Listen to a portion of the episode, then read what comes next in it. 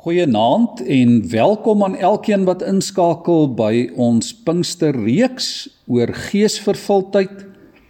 Ons is vanaand by die voorlaaste tema. Um nog 'n interessante en uitdagende tema van geesvervulde onderdanigheid. Nou as ons die woord onderdanigheid hoor, dan duins ons dalk 'n bietjie terug.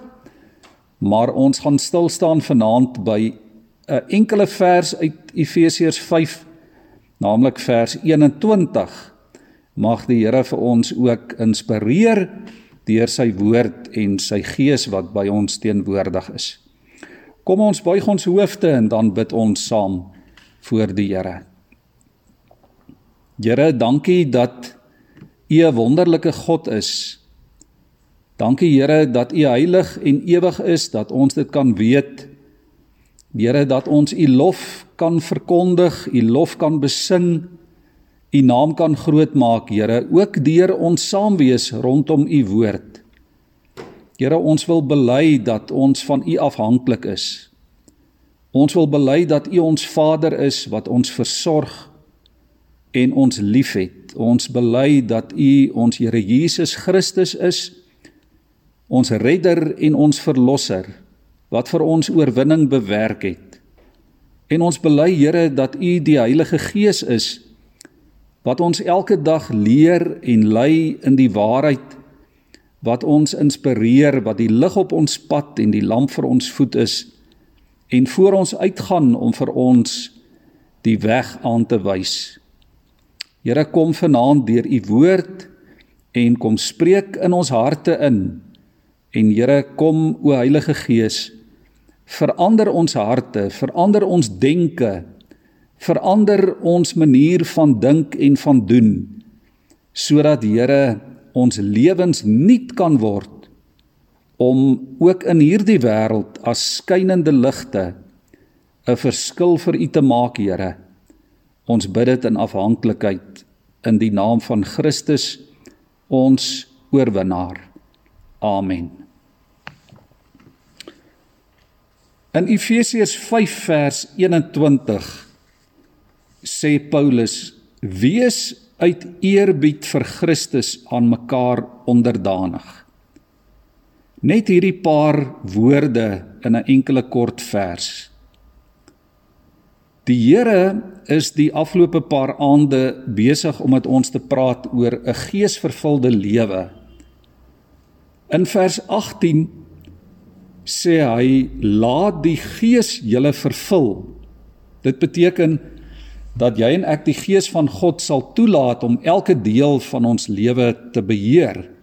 Dat jy dit wat jy dink, wat jy doen, jou woorde, jou gedagtes, jou planne, jou ideale elke deeltjie van jou lewe bewustelik aan die gees van God sal oorgee. In vers 19 en 20 het ons gesien dat Paulus direk nadat hy sê laat die Gees julle vervul begin praat oor hoe ons God moet aanbid. Geesvervuldheid lei tot ware en toegewyde aanbidding tot eer van die Here. As die Gees van God in jou is, kan jy nie leef met 'n mond vol tande nie. Jy sal 'n behoefte hê om die Here met jou lewe te eer en om sy lof te besing. Nou baie interessant is dat verse 18 tot 21 is in werklikheid een enkele aaneenlopende sin. En dit beteken dat die opdrag om vervul te word deur die Gees kan nie losgemaak word van die opdrag om God te eer en te loof en te aanbid nie. En dit kan ook nie losgemaak word van dit wat ons hier in vers 21 lees nie, naamlik wees aan mekaar onderdanig uit eerbied vir Christus. Onderdanigheid aan mekaar is deel van ons lof aan God. Dis nogal moeilik om die Grieks hier in Afrikaans te vertaal of om die regte Afrikaanse woord te kry Maar hierdie vers is 'n opdrag aan jou en my om nederig te wees in ons verhoudinge. Ons word geroep om die geesvervulde lewe te leef met die nederige hart van 'n dienskneg. Onderdanigheid is 'n opdrag en nie 'n opsie nie. Dis iets wat God verwag dat jy en ek sal doen. En die woord wat ons met onderdanig vertaal beteken ook om te onderwerp, om te gehoorsaam, om toegewyd te wees om jouself oor te gee ter wille van die ander. In werklikheid is dit 'n militêre term wat te doen het met rang. Dit beteken respekteer en waardeer mekaar vir wien wat die ander persoon is. Ons is as geesvervulde Christusvolgelinge hier om mekaar te dien. En in alles kom die ander persoon se belange bo my eie belange. En dit, liewe vriende, het niks te doen met swakheid of minderwaardigheid of onverantwoordelike toegeeflikheid of dat die een persoon die ander persoon sal oorheers nie. Niemand kan jou dwing om op 'n geesvervulde manier aan iemand onderdanig te wees nie. Maar as jy wil sien dat verhoudinge floreer, as ons in ons verhoudinge nader wil groei aan mekaar, sal jy en ek hierdie gesindheid moet aanleer. Die teendeel is natuurlik ook waar. As jy selfsugtig is, as jou eie belange bo die van ander gestel word, as jy ten koste van of of ten alle koste die eie ek in jou lewe vertroetel, dan sal dit elke waardevolle verhouding in jou lewe vernietig. Hoe meer ons hierdie onderdanigheid leer, hoe meer groei ons daarin om soos Jesus te wees. Hy was self God en altyd onderdanig aan die wil van sy Vader. In Johannes 4 vers 34 sê die Here Jesus: My voedsel is om die wil te doen van hom wat my gestuur het en om sy werk te voltooi. Johannes 5 vers 30 sê hy: Uit my eie kan ek niks doen nie. Ek oordeel soos ek dit van die Vader hoor. Dis nie my wil wat ek nastrewe nie, maar die wil van hom wat my gestuur het. Ook in Johannes 6 vers 38 sê hy: Ek het uit die hemel gekom nie om my eie wil te doen nie, maar die wil van hom wat my gestuur het. Die grootste bewys van Jesus se onderdanigheid aan die Vader was sy menswording, sy lyding en sy sterwe aan die kruis. Sy hele lewe was daaraan gewy om mense te dien ter wille van die behoeftes en die nood van mense. Markus 10 vers 45 sê: Die seun van die mens het nie gekom om gedien te word nie, maar om te dien, om sy lewe te gee as 'n losprys vir baie mense. En dit is duidelik dat hierdie onderdanigheid waartoe Paulus ons aanmoedig, begin in die eerste plek by onderdanigheid aan God ons Vader in die hemel. Ons voorbeeld is sy seun Jesus Christus. 'n Baie belangrike vrug van die Heilige Gees van Galasiërs 5 is ook die vrug van selfbeheersing. En dit beteken eenvoudig om die eie ek in jou lewe onder beheer te stel van die Heilige Gees sodat God en jou medemense hulle regmatige plek in jou lewe kan inneem. Liefde speel hierin 'n groot rol. 1 Korintiërs 13 liefde wat beteken dat jy ander se belange eer en respekteer en selfs bo jou eie belange stel. 1 Korintiërs 13 vers 5 sê: Liefde soek nie sy eie belang nie. Liefde stel homself nooit eerste nie. As ons dan weer terugkom by Paulus se onderdanigheid hier in Efesiërs 5 vers 21, dan is dit juis wat dit presies beteken om nie jou eie belange bo die van iemand anders te stel nie om jouself nie eerste te stel nie.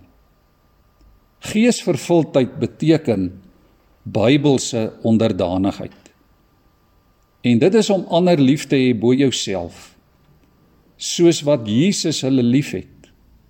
Dis om ander te dien soos wat Jesus hulle dien. Dis om jouself in hierdie lewe te onderwerp aan die wil van God soos wat Jesus gedoen het. Om onderdanig te wees is om soos Jesus te wees. Dit is om die heeltyd te vra, wat sou Jesus gedoen het? Dit is om God en sy wil te kies bo jou eie wil. Wees uit eerbied vir Christus aan mekaar onderdanig. Wees in gehoorsaamheid aan die voorbeeld van Jesus aan mekaar onderdanig. En as jy dan wil weet hoe, kyk na Jesus. Kyk na hom. Van vers 22 tot in hoofstuk bespreek Paulus 'n paar voorbeelde wat te doen het met ons heel naby verhoudinge. Hy praat oor mans en vrouens, waarskynlik in die huwelik.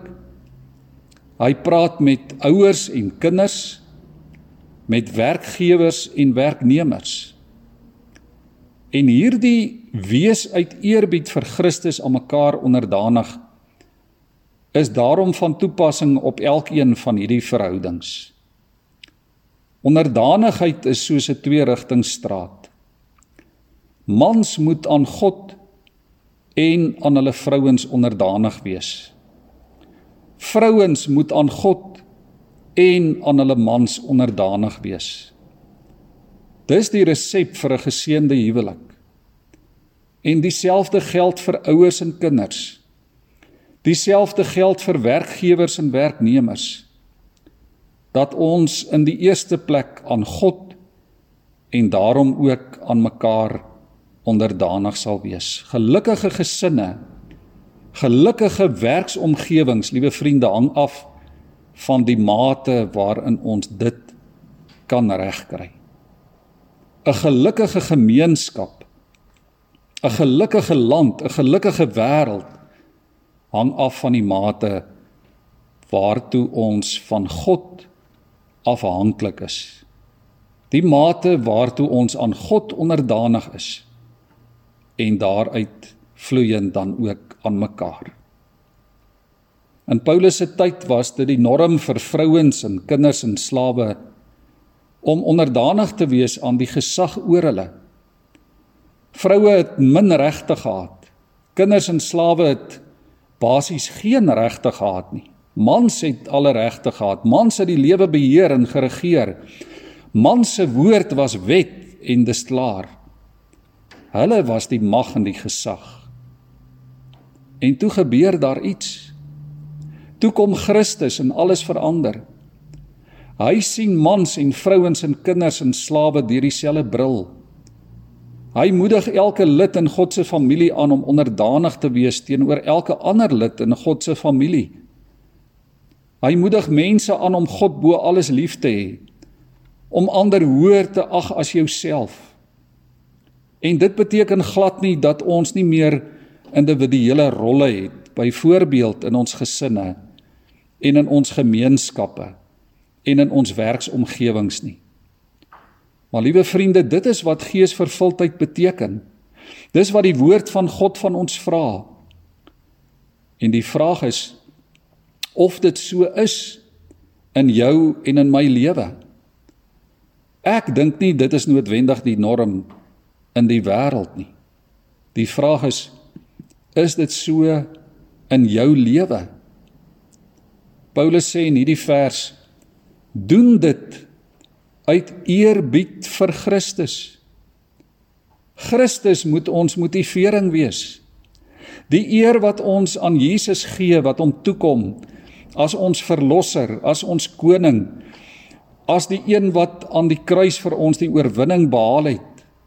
Die een van wie se liefde niks en niemand ons kan skei nie. As hy ons motivering is.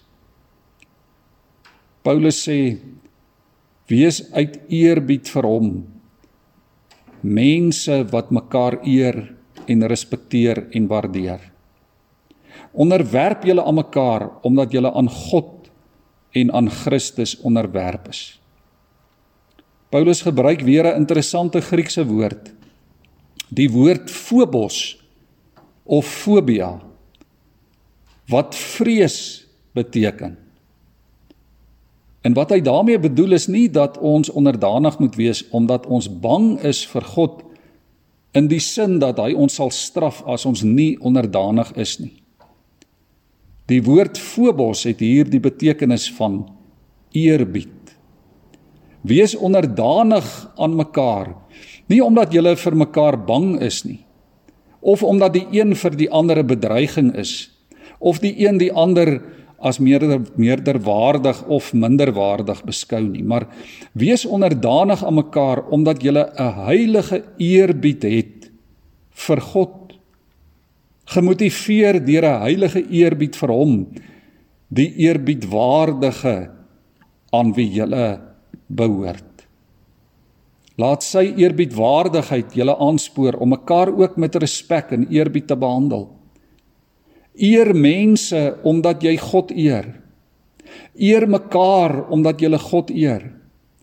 So sal ons dit reg kry om mekaar te waardeer. Ook in ons huwelike, in ons huise, in ons gemeenskappe, in ons werkplekke, in ons kerk, in ons gemeentes, in ons land. En eerbied vir mekaar, liewe vriende, beteken nie noodwendig dat ons oor alles hoef saam te stem nie. Eerbied vir mekaar laat ook die ruimte om van mekaar te verskil op so 'n manier dat God nog steeds daardeur geëer en gerespekteer en gedien word. So leer ons mekaar as medereisigers op die lewenspad hanteer in nederigheid en liefde soos wat Jesus ons elkeen hanteer. Jou en my verhouding met ander begin by ons verhouding met God. As God die regte plek in jou lewe het, sal medemense ook hulle regmatige plek hê. Natuurlik, liewe vriende, beteken dit nie dat jy en ek soos 'n deurmaatjie moet wees waarop almal trap nie. Moenie toelaat dat ander oor jou loop nie. Moenie toelaat dat ander jou misbruik en jou manipuleer nie. Vra die wysheid van die Gees van God daarvoor want daar kom ook tye dat jy moet opstaan vir jouself en vir die eer van God. Hierdie vers roep ons om soos Jesus te wees. Ongeag hoe mense ons behandel, om met respek te reageer ter wille van ons getuienis, ter wille van jou verhouding met God, ter wille van die eer van sy naam. Gebruik elke situasie in hierdie wêreld.